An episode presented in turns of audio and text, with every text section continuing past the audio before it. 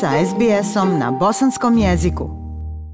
Grupa zatvorenica u zapadnoj Australiji, koje pripadaju autohtonom narodu aboriđina, udružila se sa australskim rock bandom Midnight Oil kako bi izvele njihove pjesme na svom tradicionalnom jeziku. Nekoliko žena u zatvoru prevele su stihove jednog od najvećih hitova čuvenog australskog benda na jezik Nanantjara, a koji pripada dijalektu zapadnog pustinskog jezika. Prilog Cassandre Bain Hit pjesma Midnight Oila, The Dead Heart, bacila je svjetlo na maltretiranje starosjedilačkog stanovništva Australije i ukradenu zemlju.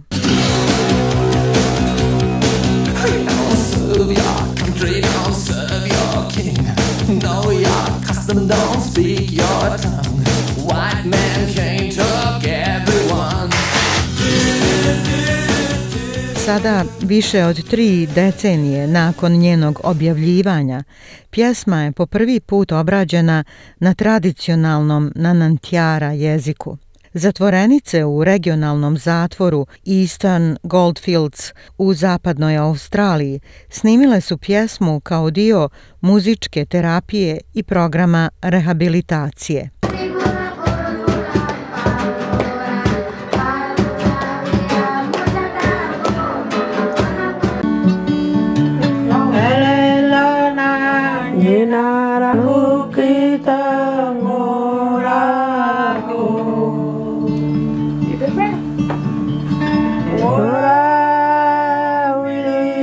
Izvedbu je producirao i miksovao gitarista Midnight Oila Jim Mogini u njegovom studiju u Sidneju. It just holds a real place in my heart, you know, because it's just so beautifully expressed and uh, whatever they did there in the in the prisons was extraordinary.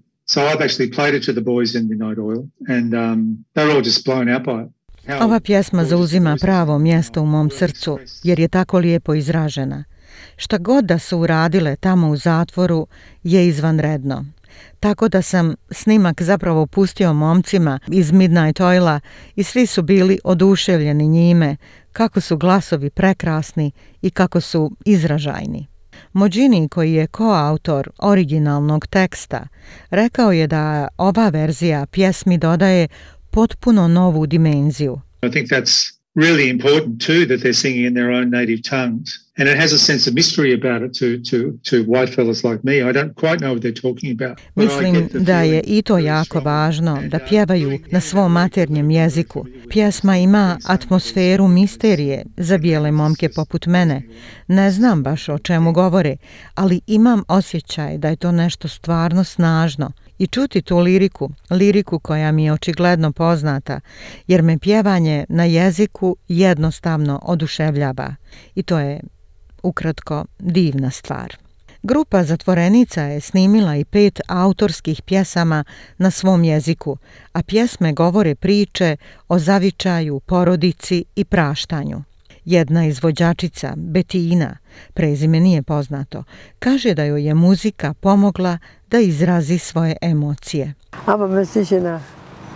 I love my performings. Yeah, I perform to the music, the lyrics, the songs from Midnight Oil, you know. So we have to do it in our way, Blackfellow way. Ja sam muzičarka i volim svoje nastupe koje izvodim muziku, tekstove pjesama Midnight Oila. Radile smo to na naš način, na način obojenih, a kad sam završila s pjevanjem, to me pogodilo, zaista pogodilo, duboko me dirnulo. Voditeljica projekta Angela Leach kaže da je ovo iskustvo povećalo samopouzdanje žena i poboljšalo njihovo čitanje i pisanje. It's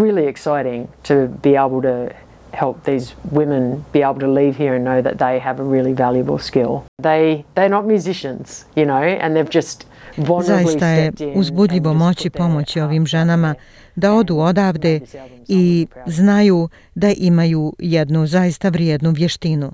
One nisu profesionalni muzičari, samo su ranjivo uskočile u ovaj projekat, uložile svoja srca i napravile ovaj album, tako da sam zaista ponosna na njih. Bilo je to novo iskustvo učenja, koje bi mnogima moglo biti i doživotno opredjeljenje i strast.